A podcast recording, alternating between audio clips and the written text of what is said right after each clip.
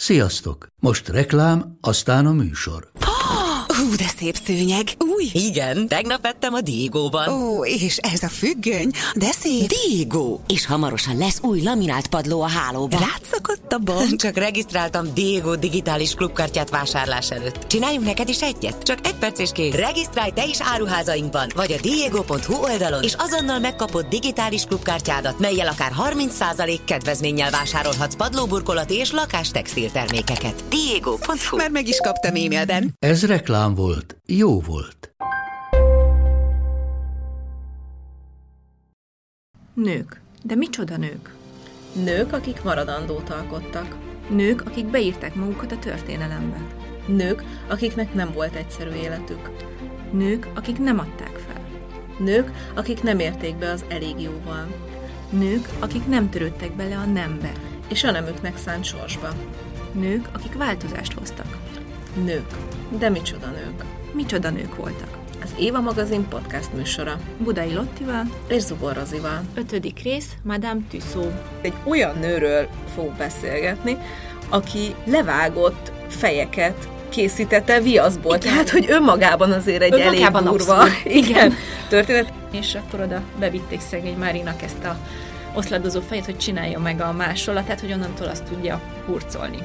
És akkor itt kezdődik ez a horror-szerű történet, hogy az, akit mi ma Madame Tussaudsként ismerünk, innentől kezdve kénytelen volt lefejezett nemesség tagjait, ugye ahogy a terror egyre fokozódott, egyre másra megörökíteni. 16. Lajost is, tehát hogy mindenkinek a feje megfordult a kezek között végül. Az életrajzában ő egyébként sokszor le is írja, hogy ez neki mekkora szenvedést okozott, tehát hogy ő nem erre a pályára készült, és ő egyáltalán szerette ezeket. Végül aztán nem tudta megúszni ezt a királypártiságnak a gyanúját, őt is letartóztatták, mert leborotválták a haját, és vitték volna másnap kivégezni, amikor az utolsó pillanatban Curtius valakit megvesztegetett, és kihozta onnan az ő vélt vagy valóban fogadott, vagy ténylegesen saját lányát. Ő megérkezett egy semmire kellő férjel, túlélve forradalmat, börtönt egy olyan országba, ahol nem beszélte még a nyelvet se, ahol az üzlettársa, akivel ment, azt meglopta és eltűnt, tehát ez a Laterna magikás ember, ez így ez felszívódott, és akkor ő mit tudott csinálni? Hát újra elkezdte járni az országot a Via szobraival. Konkrétan egy ilyen matriarchális üzletasszony lett, aki mm. dirigált elvileg a családfőnek is számító legidősebb fiának is. Tehát ezért ez abban a korban, ez körülbelül azt jelenti, mintha nem is tudom, a Dallasban Ellie Ewing lenne a főnök. Nagyon érdekes volt, amikor így beszélgettünk, hogy az első évadban milyen nőkről meséljünk, meg beszélgessünk, meg milyen adások legyenek, és te említetted Madame, Madame Tussaud, Tiszó, igen. Tüsszó. Mintha azt, képzeld azt, hogy azt mondod, hogy tüsző, csak óval. Tussaud, Annyi. Igen. És nagyon érdekes, mert hogy én csinálok egy ilyen Van 20 perced live sorozatot az Éva magazin Instagram oldalán, és ott a Mihály Réka énekesnővel beszélgettem, és amikor kértem, hogy ajánljon olyan könyveket, amik szerintem, vagy ajánljon olyan könyvet, amit szerintem mindenkinek el kell olvasnia, akkor a Tüsszó könyvet ajánlotta, hogy mennyire fantasztikus történet, és hogy, mert hogy tudtam-e, hogy egyébként ez tényleg egy létező nő, és nem tudom, és akkor eldöntöttem, hogy akkor meg fogom rendelni a könyvet, meg el fogom olvasni, mert én se tudtam, és amikor mi beszéltünk az adásokról, és akkor rögtön bedobtad, akkor te is ugyanezzel indítottál. Igen, hogy a Madame Tussauds, hogyha már híres nőkről beszélünk, akkor vegyük bele, de főleg azért, mert tényleg nagyon le, nagyon lenyűgöző az életútja, meg nagyon kevesen tudják, hogy ez nem, nem csak egy múzeum Angliában, hanem hogy ő tényleg létezett. És hát akkor ott úgy döntöttünk, hogy ugye bevesszük, és egyébként már csak azért is, mert hogy ugye egyre több könyv foglalkozik vele így most napjainkban is, meg nem tudom, szerintem ez egyébként egy ilyen trend része, hogy egyre több mm, figyelemre méltó történelmi nő alak, meg női élet, életút ö, kelti fel ugye az írók, forgatókönyvíróknak a, az érdeklődését úgy került szerintem így előtérben Madame Tussaud is, és volt is két könyvélményünk. Nekem, nekem, nekem egy Michel, a Michel Moran féle, hát egy szép nagy vaskos ö, életrajzi regény, neked pedig a kicsi, ez most jelent meg nemrég, ugye? Igen, nekem a kicsi jutott, bár a másik könyvet is megrendeltem, de ugye beszéltük, hogy akkor én elolvasom a kicsit, hogy ne ugyanazok az élményeink legyenek, és hát elkövettem azt a hibát, hogy nem kellőképpen jártam utána a könyvnek, és hát kb. így a felénél tartottam, vagy a háromnegyedénél, amikor így szóltál, hogy de azért úgy olvast, hogy ebben nem, nem minden igaz, mert hogy ez gyakorlatilag egy ilyen fiktív regény, nagyon sok minden igaz, ami le van írva benne, de... Igen, és, ez, és ez így olyan, olyan aranyos volt, hogy így beszéltük, hogy ki hol mivel tart, és akkor írtad, hogy most érkezett meg Marseille-be, vagy Versailles-ba, szekrényben lakik. Miben? Szekrényben. És akkor néztem utána egy kicsit így a, a kritikáknak, meg így az ajánlóknak, hogy amúgy tök jó könyv, hogy egy kicsit ilyen Tim burton életrajzi, nem tudom, kicsit ilyen dárkos film, de hogy hát majd megbeszéljük, hogy akkor Igen, megbeszéljük, de hogy egyébként nekem annyira, megmondom őszintén, hogy nem tűnt föl, mert egyébként egy olyan nőről szól a könyv, meg olyan nőről fogunk beszélgetni, aki egyébként levágott fejeket készítette viaszból. Igen. Tehát, hogy önmagában azért egy önmagában elég durva igen, történet. Tehát az, hogy egyébként Versailles-ba szekrényekben aludt, hát még, még, még, még, még meg is történhetett Igen. Meg egyébként biztos vagyok benne, hogy valaki, aki bejutott Versailles utána simán aludtott szekrényekbe, szóval mert az meg egy olyan világ volt, hogy egy, nagyon nem, egy nemes nagyon ott akart lenni a tűz közelbe, lehet, hogy csak szekrényben tudott aludni. Most visz nélkül Igen. tényleg, szóval, Így van. Szóval elhiszem, hogy elhitted, de Úgyhogy, de abból a szempontból meg szerintem tök jó, mert ezek után, hogy ezt így megbeszéltük, el kezdtem utána nézni, hogy egyébként a könyvből mi az, ami nem igaz, és erről nem találtam írásokat. Egy-két dolog, például ezt a szekrényt tudom, hogy ez nem igaz, de majd valószínűleg, hogyha elolvasom a Morán könyvet, akkor fog kiderülni, hogy mi az, ami igen, igen. Ténylegesen az, igaz. Az egyébként egy szép, ö, szép vastag ö, mű, de nagyon, tehát elég én azt szerettem egyébként abban a könyvben, hogy ez egy ilyen francia forradalmi krónika, és hogy mi közül van egyáltalán a, a Londoni Bias Múzeumnak a francia forradalomhoz, hogy mindjárt rátérünk, de hogy valahogy, amit mondjuk a francia forradalom, nem tudom, emlékszel erre, azért történelmi morálból egy nagyon nehezen emészthető Igen. valami, tehát hogy ott ki, mikor, komment, hegypárt, mocsár, mi az és itt így olyan jól megelevenednek a szereplő is, olyan szép gördülékenyen lehet átmenni az egészen, hogy így megérted, hogy mi történt ott akkor Párizsban, és hogy hogy alakult ez az egész, és ilyen szempontból pontos, mert hogy ez Madame Tussauds-nak az önéletrajzán alapul, ő ugyanis valahol ott 1850 táján, amikor már közel volt a 90-hez, fogott egy, egy írót, egy fiatal embert, és lediktált az ő élettörténetet, és akkor ez alapján készült róla film, vagy sorozat, illetve ez a könyv is, ami nem olyan régen, Magyarországon is annak egy ilyen, ilyen tovább gondolt változata a kicsi. és, és akkor nagyon érdekes, hogy most ahhoz képest mi az igazság, amit ő elmondott, úgyhogy ez egy ilyen több rétegben fogjuk most lehámozni arról, hogy ki is ez a Madame Tüsszó, és hogy mi is volt ez az, mi, hogy mi is volt az ő élete, de mert nem tudom te, hogy vagy vele, de én, akinek én beszéltem, valahogy mindenki elfogadta, hogy az, van az a turista attrakció ott Londonban, hova mindenkinek el kell mennie, pláne, hogyha gyereke van, és akkor még végig kell menni ott a horroros részlegen, és akkor le tud fotózkodni Bill mm-hmm. Clintonnal, és nem tudom kivel, és hogy ennek egyébként az a neve, hogy Madame Tüsszó. Igen. És az így, oké. Okay és én nem nagyon találkozok, amikor így megkérdezi, hogy miért pont ez a neve. És akkor még elő, hogy jó, hát lehet, hogy ez volt akkor, van ott azt hiszem egy szobor róla, hogy ő volt a alapítója, és hogy akkor ez az egész így, hogy kerekedik ide, vagy nem tudom, te voltál ott egyébként? Nem voltam. Nem, én, én nagyon, én, kis, én kicsi, kicsi koromban emlékszem, hogy én rettenesen be voltam tojva. Tehát, hogy ez annyira, tehát olyan szinten élethűek egyébként Aha. azok a szobrok, hogy ez rémisztő, de még erre is vissza fogunk térni.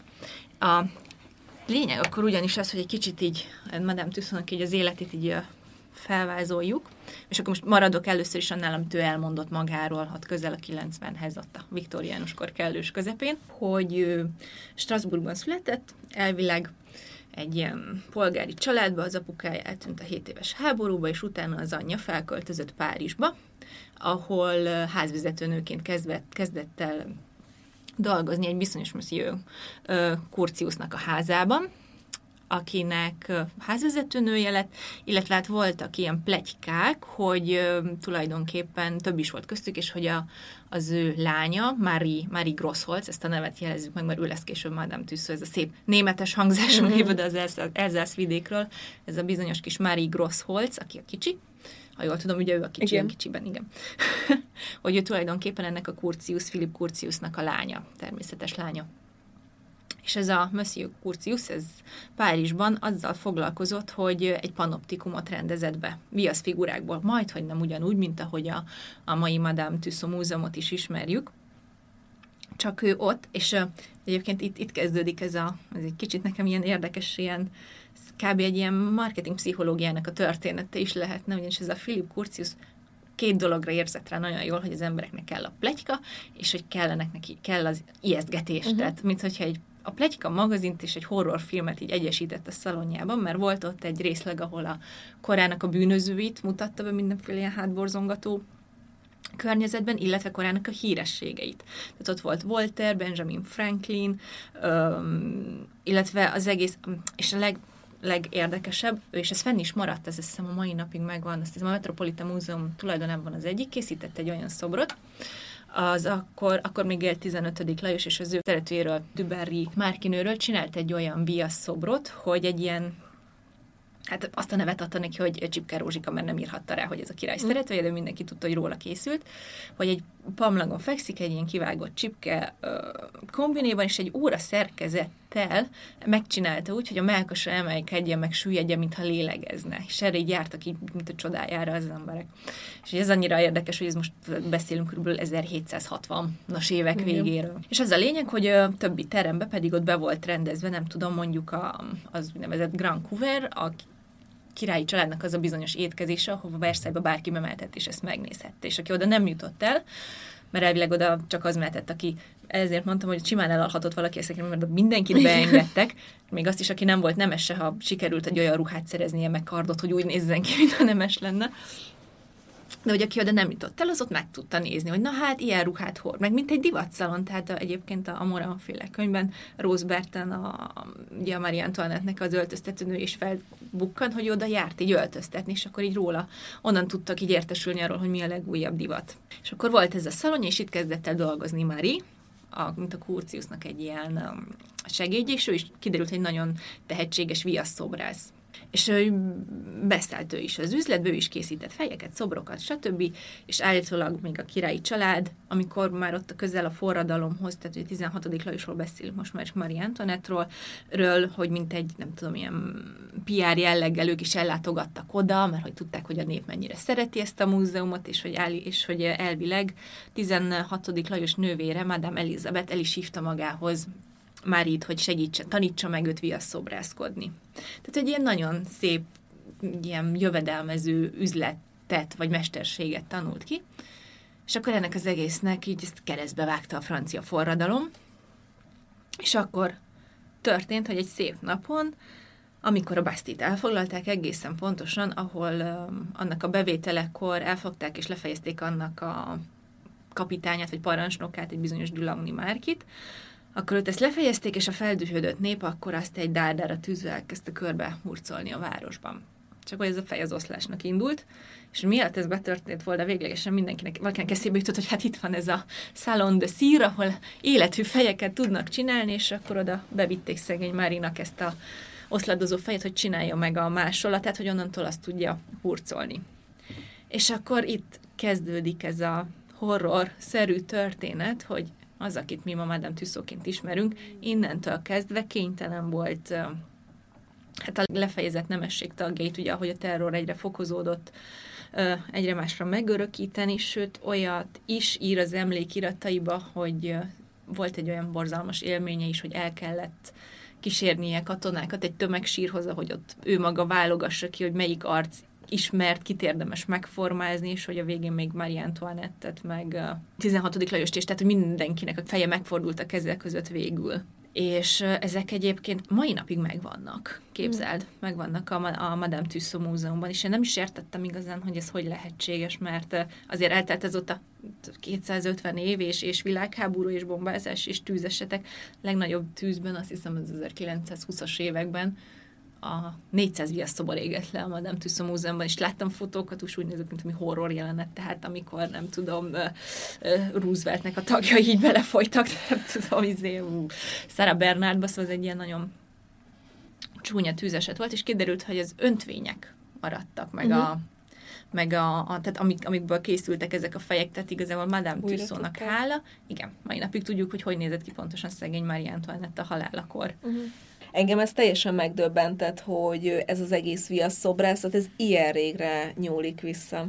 Igen, ez, ez engem is csak akkor, akkor, én csak akkor szembesültem ezzel, amikor annak idején találkoztam Madame Tussauds-val, és ez, sőt, hogy azt nem mondjam, ez egy ókorra visszanyúló, hát művészeti ág, nagyon az ókori rómaiak használták halotti maszkokhoz, az ókori görögök pedig ilyen kisebb babákat készítettek belőle, és utána így a reneszánsz alatt, meg a későbbi művészek is nagyon gyakran használtak viasz bábúkat, például, nem tudom, szobrok vagy festményeknek a, az elkészítéséhez. És ez egy nagyon megbecsült szakma volt, ugye nagyon fontos volt, hogy minél életű, minél precízebb legyen, tehát ennek mindig köze volt a művészethez, tehát mindig egy kicsit így a művészet és az egyéb mesterség ö, határán billegett, és ez a bizonyos Philip Curtius is, aki eredendően Bernben született és dolgozott, ő ennek egy olyan ágával foglalkozott, ennek a viasz szobrászatnak, hogy ők orvosoknak, illetve kezdő sebészeknek készítettek viaszból testrészeket. Uh-huh. Ugye amikor nem volt annyira egyszerű ugye boncolható holttesthez jutni, vagy egyáltalán oktatni anatómiát valódi embereken, uh-huh. akkor ezt használták, és és ez mert kérdés, hogy igaz-e vagy nem, de én a korszellemből, illetve az illető herceg jelleméből simán kinézem, hogy amikor egy, a király rokon a Kondé herceg ott járt Bernbe, és benézett ebbe a egyébként hírneves üzletbe, és hogy ez mennyire életve, akkor fogta ezt a Monsieur Curtius-t és elvitte magával Párizsba, ahol ezt a feladatot adta neki, hogy az ő szeretőit, ilyen kis mini babákba, mert több száz volt neki, fe, ugyan formázza már meg, hogy egy ilyen kis kiállítást szervezhessen belőle magának, és hogy így került egyébként a család Párizsba, és innen indult, úgyhogy, úgyhogy igen, van ennek több ága.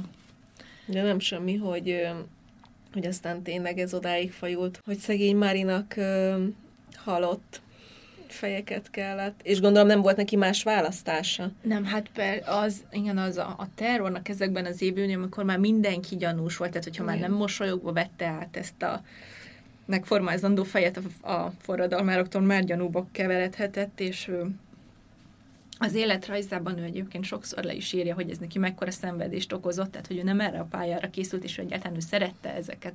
Ő, egy royalista volt, és, és szerette a királyi családot, főleg ezt a Madame Elizabetet, akihez ő bejáratos is volt, és tanított, és hogy milyen jóban volt vele. És hogy a végén neki ezeknek az embereknek a fejét kellett formázni, ez egy nagyon nagy megrázkódtatás volt a számára. Egyébként maga végül aztán nem tudta megúszni ezt a királypártiságnak a gyanúját, és őt is letartóztatták. És ott a terror végnapjaiban, tehát amikor már talán Robespierre is érezte ugye a maga vesztét, akkor olyan szintre lépett a kivégzéseknek a sora, hogy így tényleg naponta random kiválasztottak száz embert ezekből a hirtelen felállított, általában kolostorokból vagy iskolákból átalakított börtönökből így embereket, azokat előző este lenyírták, és másnap vitték a guillotine alá, és már is eljutott oda, hogy már leborotválták a haját, és vitték volna másnap kivégezni, amikor az utolsó pillanatban Curtius valakit megvesztegetett, és kihozta onnan az ő vélt vagy valóban mm, fogadott, vagy ténylegesen saját lányát. Úgyhogy, de ami, ami nagyon érdekes, és ez, ez, ez leírja az életrajzom, és ez valószínűleg tényleg így volt, hogy ott megismerkedett még előtte egy Josephine Bonare nevű hölgyel, aki később ö, Napóleonnak lett a felesége Josephine császárni, aki szintén ugyanúgy rövid hajjal várta szegény már a, a kivégzését, és hogy ugye, a, ugye az élet ö, igazság mert az igazság kereke azért csak körbeért, ugye az utolsó fej, amit elvittek neki, az valójában Robespierre volt, akit szintén kivégeztek, és akkor ezzel véget ért a forradalom, és egyébként a legtöbb könyv vagy feldolgozás az így eddig foglalkozik az életével. Hogy nem tudom, ez a kicsinél hol, hogy volt, vagy ez hol ért véget, vagy inkább meddig foglalkozott ezzel. Hát a, a, kicsinél még egy nagyon picit tovább vitte, ugyanis pont ezt akartam mondani, hogy a kicsiben alapból az van, hogy ott bekerülnek a Curciushoz, és ott, amikor el kell kezdeniük ilyen viasz szerveket készíteniük, uh-huh. mert ott a, a kicsi szerint az édesanyjának kellene ebbe eredetileg besegíteni. A kicsiben az van, hogy az anyja öngyilkos lesz. Felakasztja magát, és akkor utána kerülnek át a Kurciusszal Párizsba, egy bizonyos majomházba. Uh-huh. Nem, sőt, először nem is egy majomházba, hanem egy gyakorlatilag ilyen albérlőként bekerülnek egy özvegy nőhöz, aki a fiával együtt él ott, és akkor, amikor elkezdik ezt a viasz bizniszt uh-huh. csinálni, és rájönnek, hogy ebből, ebből sok pénzt tudnak keresni, akkor költöznek át az úgynevezett majomházba, ami azért majomház, mert az előző tulajdonos sok majommal, egy ilyen őrült figura sok majommal Aha. Még az ott. is lehet, hogy igaz volt egyébként. Hát ez, Korabeli ez... Párizs fura hely volt. Igen. és, és akkor ott az van, hogy ott ott ö, ugye ezt a házvezetői megcselédő szerepet látja el nagyon sokáig ö, Mári, aztán ahogy egyre jobban alakul az üzlet, és egyre több pénzt keresnek, úgy kell ö, besegíteni Kurciusnak, de közben meg az özvegynek a fiával, uh-huh. mint hogyha így egymásba szeretnének, de aztán kiházasítja az özvegy, és aztán valahogy úgy végződik a történet, hogy amikor jön a forradalom, akkor visszakerül ez a fiatal srác, és akkor a szerelem kiteljesedhet, és akkor már itt terhes is lesz, és akkor például ott a kicsibe az van, hogy azzal védekezik, hogy őt azért nem lehet a guillotine alá vinni, mert hogy terhes, de, de a, a Napóleonnak a majdani feleségével a, ebben az a történetben benne, is találkozik, és akkor utána még azt is elmondja, hogy hogy aztán, amikor Napóleonnal találkozik, akkor hogy készíti el az ő viaszszobrát, és akkor utána uh-huh. érkezünk el Tüszóhoz, amikor vele Igen. találkozik, de őt már ilyen nagyon minimálisan csak pár Aha. mondatba említi meg, szóval gyakorlatilag... Egy kis szerepet is játszott az életében egyébként. Igen. Nagyon közben Josephine az úgy látszik, ez ilyen stabil pont minden, minden, uh-huh. minden narratívában, hogy ott a börtön, és egyébként tényleg van, tehát ő maga is egy kicsit így kavarja, hogy akkor kit, melyik férfi hol jött be az életében, uh-huh. meg, meg, meg ebben a másik könyvben bizonyos Henri Sál szerepel, és uh-huh. ez meg később újra felbukkan, tehát ott, ott az van, mint ilyen szerelem, meg uh, ilyen furcsa szerelmi szál, de hogy valószínűleg ezzel a François Tussauds-val, aki amúgy mérnök volt, ott a börtönben, ott a síralomházban ismerkednek meg, és akkor így a a nagy, nem is tudom, a túlélésnek a mámorában ők így egymáshoz mennek. Valójában igazából azért ment hozzá, mert pénzre volt szüksége, hogy újra indítsa a szalont. És egyébként, is egyébként erre célozgat, hogy inkább a igen. pénz miatt házasodtak. Igen, ez egyébként akkor ez teljesen, uh-huh. teljesen igaz.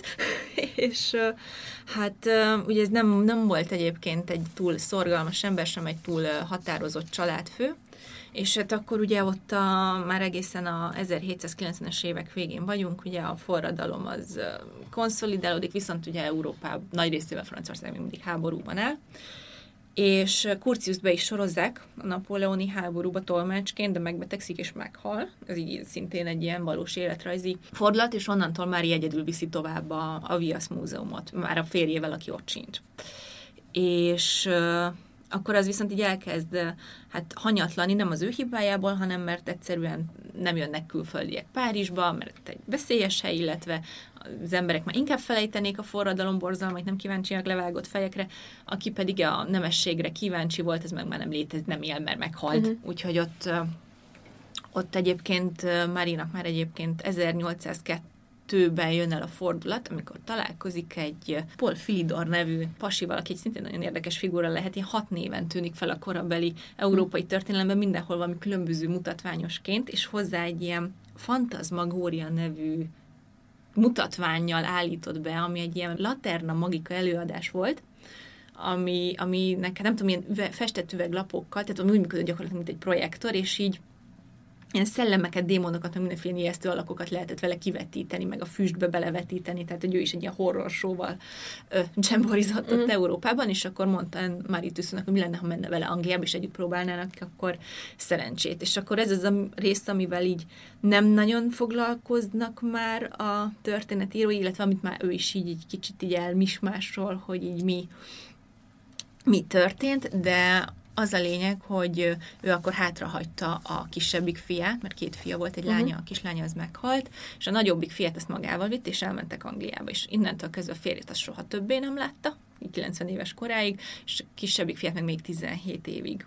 Uh-huh. Viszont, ami nagyon egyedülálló az innentől kezdődő történetében, hogy ő egy ilyen 33 évig tartó, kőkemény és következetes munkával egy olyan brandet csinált a saját nevéből, ami még ma is ott áll a, nem is tudom, Baker Street-en van a mai napig a múzeum, uh-huh. illetve most már van Hongkongban, Sydneyben, és még nem tudom hány országban, és uh, tulajdonképpen ebben a, a munkában van az ő nagyon nagy, többek között a nagyon nagy um, nem is tudom, példaértékű cselekedete, hogy ő megérkezett egy semmire kellő férjel, túlélve forradalmat, börtönt egy olyan országba, ahol nem beszélte még a nyelvet se, az üzlettársa, akivel ment, az meglopta és eltűnt, tehát ez a laterna magikás ember, ez így ez felszívódott, és akkor ő mit tudott csinálni? Hát újra elkezdte járni az országot a viasz szobraival, viszont akkoriban azért ez a viasz szobrászkodás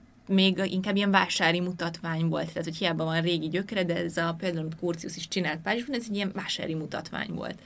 És akkor ő kitalálta, hogy már pedig ebből egy ilyen elit szórakozást fog csinálni, és ez majd, majd meg is tesz.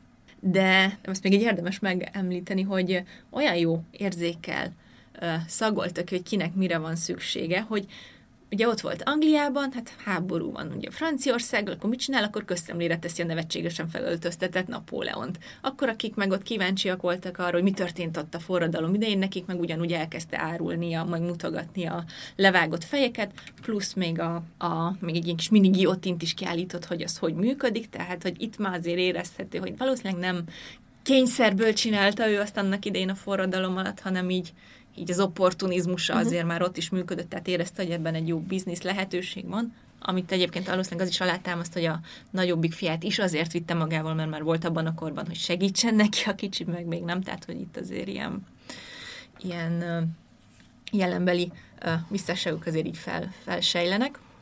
Ezt egyébként olvastam én is róla, hogy nagyon-nagyon-nagyon meglepően jó üzletasszony volt abban a korban, és egyébként a kicsiben ott azzal célozgat erre, hogy ott állandóan azt jelzi, hogy ő oké, okay, hogy cseléd, meg uh-huh. hogy az 1700-as évek ben élnek, amikor ugye a cselédek ingyen dolgoztak, de hogy ő folyamatosan azt mondta, hogy ő, hogy ő neki ezért pénz jár, hogy ő segít a Kurciusnak. Uh-huh.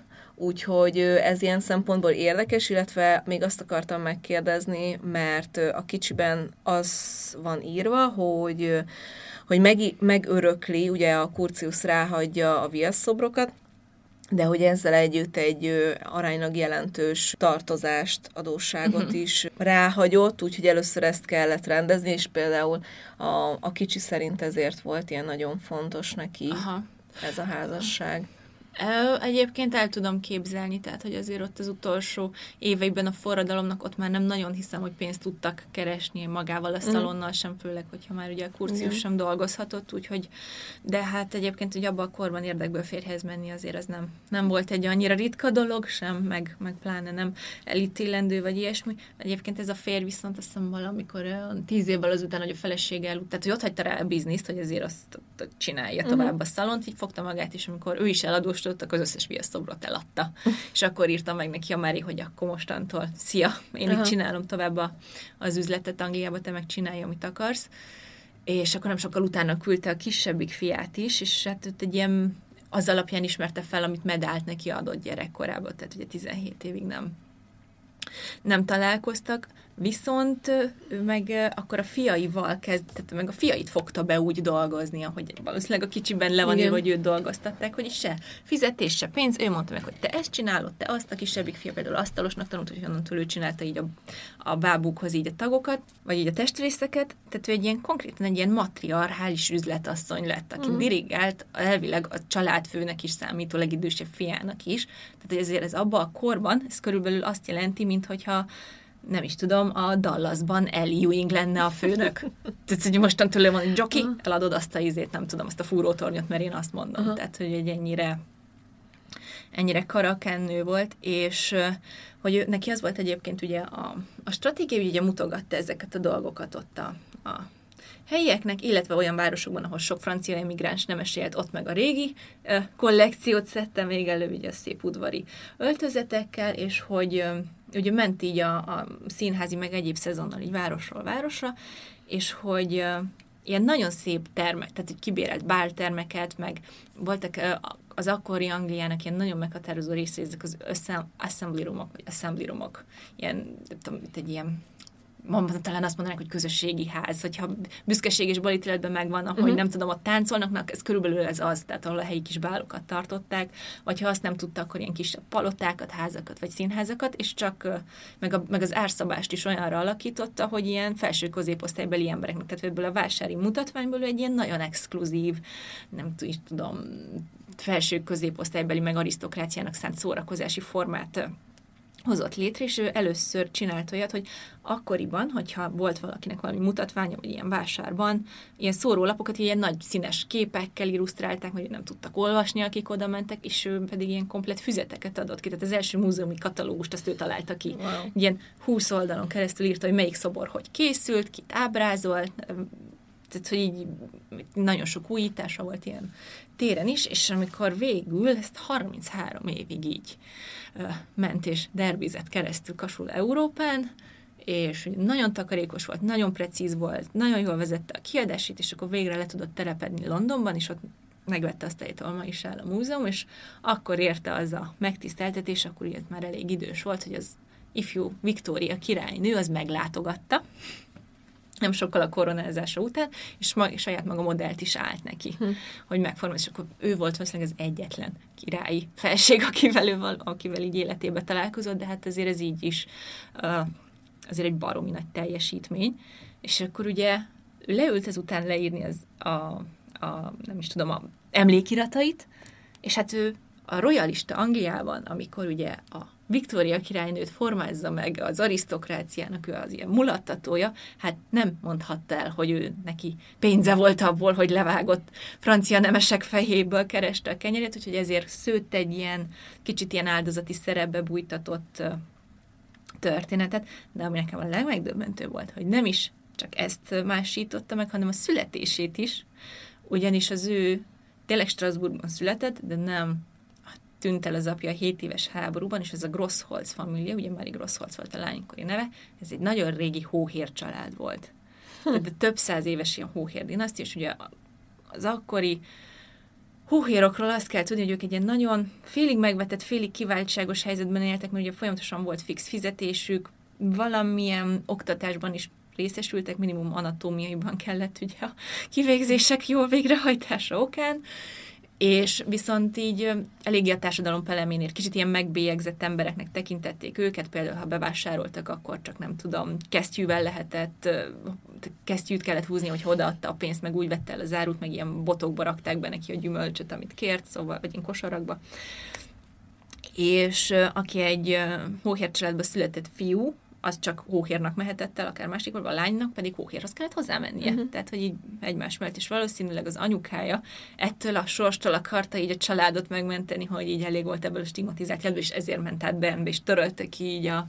De mai napig egyébként megvannak a, a Strasbourg ilyen regiszterekben, hogy ő ott megszületett a kis Mary Grossholz, és hogy ebbe a hóhér familiába, és ami hogy ezért, azért, hogy így milyen az élet, hogy így hogy a sorsodat nem kerülheted el. Tehát, hogy hóhér családba születtél, elmenekülsz, és így rengeteg közöd lesz a kivégzések, a kivégzettekhez, és giotint fogsz mutogatni időskorban, és ebből lesz pénzed neked is. Szóval ez, ez nem tudom én, nekem ez ilyen nagyon, nagyon-nagyon érdekes, ilyen körbeélő fonal, életfonal volt. Az.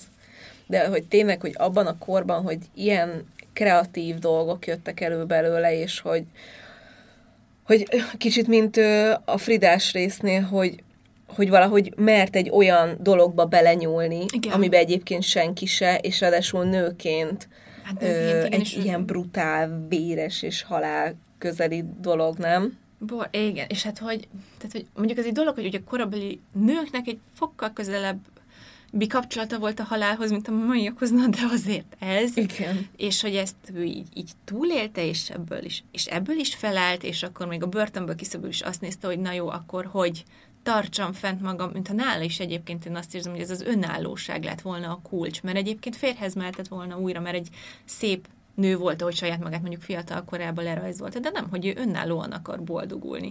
Úgyhogy egyébként abban a korban tehát lányokat számolni nem tanítottak, meg nem, hogy könyvelést vezetni, meg kiadásbevételt fent, tudom, folyamatos ilyen mérleget fenntartani, mm. úgyhogy, úgyhogy ez így nagyon, nagyon, nagyon legyűgöző, és ami még egyébként nekem nagyon érdekes volt, hogy a Tüsszó Múzeum az a mai napig ugyanúgy készíti szobrokat, mint ő. Tehát, hm. hogy azóta nem találtak ki jobbat, és hogy ez, valahogy ezt kb. úgy, úgy kell elképzelni, hogy hogy készítenek egy agyakszobrot, egy ilyen nagyon ügyes szobrász elkészít egy valódi képmás, mondjuk nem tudom, Lady Gagáról néztem egy videót, hogy hogy készítették neki a, tűzszobeli szobrát, és amikor kész ez az agyakfej, akkor e köré vonnak gipszből egy burkot, de úgy, hogy előtte az agyakba, hogy beleraknak ilyen kis pálcikákat, hogy ne, ne tehát, hogy valami mentén így szét lehessen majd szedni ezt az ilyen gipsz készítményt, és amikor ezt ugyanezzel a technikával, ahogy egykor Madame Tüsszó felkente rá, felkenik rá ezt a gipszet, utána ezt szétszedik, általában ilyen 13 darabos puzzle lesz belőle, összerakik, és ebbe beletöltik a, a viaszt, és ugyanazt a fajta ilyen mély viasz, vagy parafinnal követ mély viaszt használják, amit ő használt egykor, és egyébként az is durva, hogy a hajszálakat egyesével varják bele az ember fejébe ott, úgyhogy, úgyhogy egyébként egy ilyen szobor az ma is ilyen 5-6 hónapig tart, úgyhogy azért ezek nagyon nagy értékek voltak már akkor is. De régen az volt, legalábbis a könyvben azt írják, hogy, hogy magukat az emberfejeket volt akit így le... Igen, volt, aki hagyta, ugye, de hát nem mindenki uh-huh. tudott, meg nem, nem mindenkihez fért hozzá, akkor általában... Fo- Most például a például fotók alapján, tehát néztem, hogy a One Direction az például beállt uh-huh. a Tüsszó Múzeumban, és soruk lehetett ilyen mintákat venni, de a csomó mindenkiről akkor is például beszámolók, meg, meg, meg hát persze, be lehetett menni megnézni egyébként uh-huh. őket, tehát, hogy akkor, akkor ezeket így is készítették. Meg az érdekes, hogy mondod, hogy, hogy milyen szép volt a kicsiben például pont az ellentetjét, és azt meg nagyon-nagyon sokszor írja le, hogy ő hogy tényleg ilyen kis pici termetű is volt, és hogy nagyon csúnya volt az álla is, meg az or, orra is, tehát folyamatosan ilyen szempontból így szinte, hogy bántja magát, magát igen, Aha. degradálja magát. Egyébként mondjuk lehet, hogy ez így érthető is, hogy ő pedig ezzel akarja utána a könyvben kompenzálni a, a sikereivel esetleg a külsejének a visszafogottságát. Lehet érdekes. És még, még az Elizabethnél ki is emeli, hogy, hogy azért is találtak így egymásra, mert hogy állítólag az Elizabeth se volt annyira uh-huh. szép, hogy... Azt hiszem, nem ment férjhez, de ebben nem vagyok biztos. Azt hiszem azért, mert nagyon vallásos uh-huh. volt.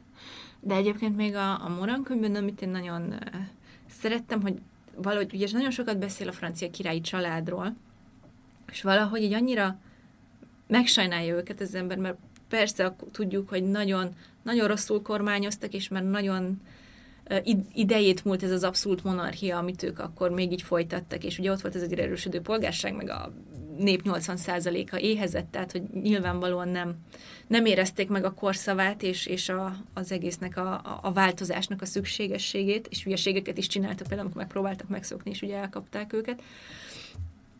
De hogy azok, egyszerűen igazából két ember, ugye Lajos és Mariantot, mind a kettő úgy nőtt fel, hogy kicsi koruk óta mondták nekik, hogy ez egy isteni rend, amiben te születsz, te Isten réged erre jelölt ki, és téged azért fognak szeretni és tisztelni az alatvalók, mert ez Isten akarata, és ez, mm. neked ezért nem kell tenned semmit, tehát ezt átprogramozni egy-két év alatt a, a fejben azért ez lehetetlenség, és egyébként hogy első az elsőnek az angoloknak se sikerült, hogy az első forradalom idején ők is lefejezték a maguk királyát, úgyhogy, úgyhogy azért ebben vannak ilyen tragikus sorsok is, meg ami nagyon érdekes volt még pluszban, hogy ahogy például bemutatja ezt, a, ezt az udvart, hogy, hogy ha változtat, tehát a legnagyobb tehát hogy az, ugye a legnagyobb probléma az a pénzszórás volt, hogy egy éhező ország közepén nem kellett volna úgy élniük, ahogy és az, az is abban a könyvben van leírva, hogy de ott mondjuk a Madame Elizabeth ezt úgy írja, hogy de hát csak 6% az élves költségvetésnek az udvar. Megnéztem, ma az oktatásra költ a francia állam, direkt uh-huh. összehasonlítottam, tehát ez ugyanúgy a, büdzs, a GDP 6%-át adja ma ki. Tehát, hogy azért ez egy szép összeg volt már akkor is, de hogy ezen hakkasak se tudtak volna változtatni, mert ez olyanokra ment el például, hogy szokás volt több száz éve, még akkor, már akkor is, amikor Versailles nem árt, hogy a királyi palotában az gyertyákat minden áldott nap ki kell cserélni. Na most uh-huh. ezek a fehér tiszta gyertyák baromi drágák voltak. És annak a, jog, annak a nemesnek, akinek ez a joga volt, hogy ezt ő esténként begyűjtje, begyűjtse, akár leégett, akár meg se gyújtották, akkor sem, utána eladta és baromi nagy pénzt csinált belőle.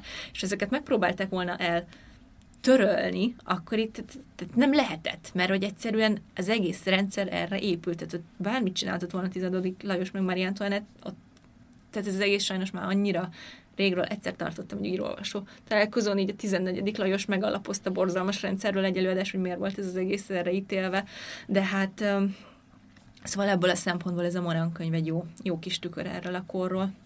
Igen. Ha már így átmentünk könyvajánlóba.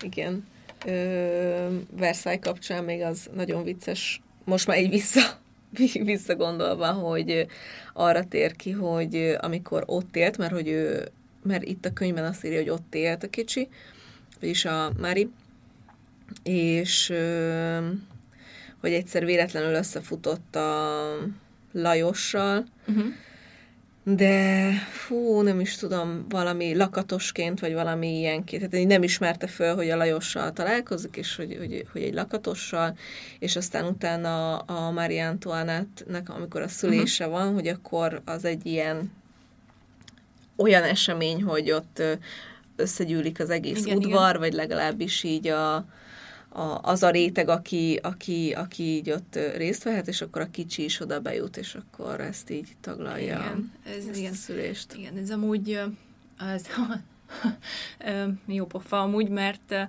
az az érdekes, hogy ez a Madame Elizabeth is megadta, meg hogy az udvarban ő mit látott, mit nem látott. Ezt azért is mondják a történetek, hogy ez azért úgy kamu, ahogy van, csak azért kellett így a, a, a PR-jához, hogyha uh-huh. már ő az angol arisztokráciához akart közel kerülni, mert tehát, hogy nincs, tehát, hogyha egy ilyen egyszerű polgárlányot elkezd jönni, menni a királyi útban, akkor arról minimum egy naplóban valaki ír egy felháborodott bejegyzést, minimum egy levelezésben mm. előbukkan, de hogy még a Madame Elizabethnek így a kiadásai között sincs az ő járadéka, vagy a tandi, vagy amit neki fizetett, tehát mm. hogy ez valószínűleg úgy, hát, kamu, ahogy van, mm. és hogy ezt azt hiszem úgy fogalmazott vele kapcsolatban egy történész, hogy az ő kezek között az igazság az épp úgy olvadozik, mint a viasz. Mm. Londonban egyébként aztán újra házasodott, vagy elvárt? Nem, vagy az, az, nem, hogy... soha többi. Akkor egyedülálló üzletasszonyként nyomta Igen. tovább. Azért az is menő. Az szép. Meg ez baromi fárasztó, tehát azért 33 évig mindenhoz szedni a kis sátorfádat, menni tovább, alkudozni, izé, bérleti díjakról, belépőjegyet szedni, és akkor így menni addig, amíg nem túrod magad az elit körébe. Igen, és közben ö, kreatívnak lenni, mindig megújulni, nem lehetett egyszerű. Több mint 500 millió látogatót fogadott uh-huh. a mhm. Panoptikum, ami azért szép.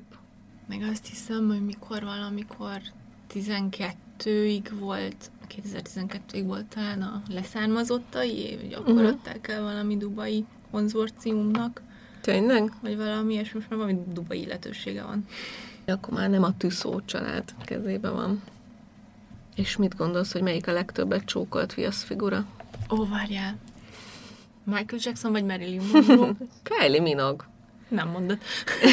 és Justin Timberlake a legtöbbet ölált. Ó, meg arra lennék kíváncsi, hogy igazi hajat használnak egyébként, vagy ez valami műhaj. Hát, a mai világban már simán lehet, bár az biztos, hogy megdobja még az értékét, ami egyébként az se semmi. Mennyiben, de milliós tétel volt, nem? 60 millió forint. 60 millió forint egy ilyen báb. Négy hónap, kb. 140 óra csak az, amit a haj fejre élesztésével töltenek.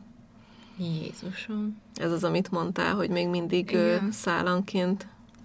Szállanként teszik a fejből. Uh. Jó, meg, tehát ahogy, meg ahogy néztem, hogy ahogy, tehát, ahogy az porcelán, vagy az akrilból készült szemgolyóra az ereket, tehát hogy ezen tényleg művészek dolgoznak. Igen. Tehát, hogy fan, fantasztikus. Egyébként, ami még nagyon érdekes ebben az egész sztoriban, hogy így, hogy így az ember így mennyire nem változik. Tehát, hogy a, a plegyka, meg a horror, meg nem tudom, hogy akit utálsz, azért, de azért meg is nézed, meg irigyled is, meg meg is köpködött, tehát, hogy így ez a... Igen. Ez a szórakozás, ez ugyanaz maradt. De jó üzleti érzéke volt, és szerintem az ő történetében megint csak az, hogy hogy egy cseléd sorsból Igen. mennyire sokra vitte. és hogy itt és hogy itt is mert egy olyan dolgot bevállalni, amire lehet, hogy azt mondta volna bárki, hogy hú, hát azért ez nem biztos, hogy ha egy Menni üzleti fog. tervbe adja le egy nagy cégnek most 2021-ben, akkor lehet, hogy azt mondják, hogy hú, hát ez nagyon, nagyon kérdéses, hogy ebből lesz nekünk pénzünk. Igen, és ő mégis hát bevállaltam. És egyedül, és hogy egyébként is milyen végzettsége van, önnek tudsz bérszámfejteni, vagy bármi. Igen, hogy... igen. Igen. Úgyhogy azért nem semmi története volt neki nem. is. Bár benne egyébként tényleg azt érzem, amit kicsit a Kársanelnél is, hogy ez a nagyon nagy boldogulni vágyás és a függetlenség és a célomnak az eléréséről azért sok mindent feláldozott, tehát hogy benne azért mint, mint anya, mint feleség nem hiába nem nagyon találkozunk ezzel az oldalaival, vagy éppen csak olyan oldalaival, amiben egy kicsit amiben szintén ez az üzleti opportunizmus a, a nyilvánul meg, tehát ez a, hogy jár áldozatokkal a siker, azért az ősz történet, ez egy kicsit erre is rezonál. Igen, ez, hogy a szerelem, meg ez a vonal, ez igen, ezt most, hogy mondod, ez nekem is kicsit hiányzik. Igen, és semmi egyébként, tehát, hogy ő ezt így látszik, hogy ezt így félre rakta tudatosan. Hm. Hát igen, vannak, a mai világon is vannak ilyen nők, akik ezt, ezt így el tudják különíteni. Hát meg van, akinek csak így megy. Igen. Egyébként. Na, de hát ugye vannak nekünk ilyen nagy katalinjaink, meg Fridáink, Igen. akiknek megvan, a mind, megvan az összes a szakmai siker is, és az egészséges és teljes magánélet is. Úgy, Így van, és ettől függetlenül ö, én továbbra is azt mondom, hogy azért ő se semmi nő volt, mert ö, én biztos nem tudtam volna halott, ö, meg levágott fejeket készíteni, úgyhogy nem. És nem lélek semmi. jelenléttel végigcsinálni ezt az egész forradalmat is aztán meg nem a pszichiátrián kikötni az van. egészből úgy egyébként is. Úgyhogy nem semmi volt ő is, mint ahogy a jövő heti ö, nőnk is, de hogy ő ki lesz, az még egyelőre meglepetés. De két hét múlva találkozunk, és akkor Igen. folytatjuk. Köszönjük szépen! Sziasztok!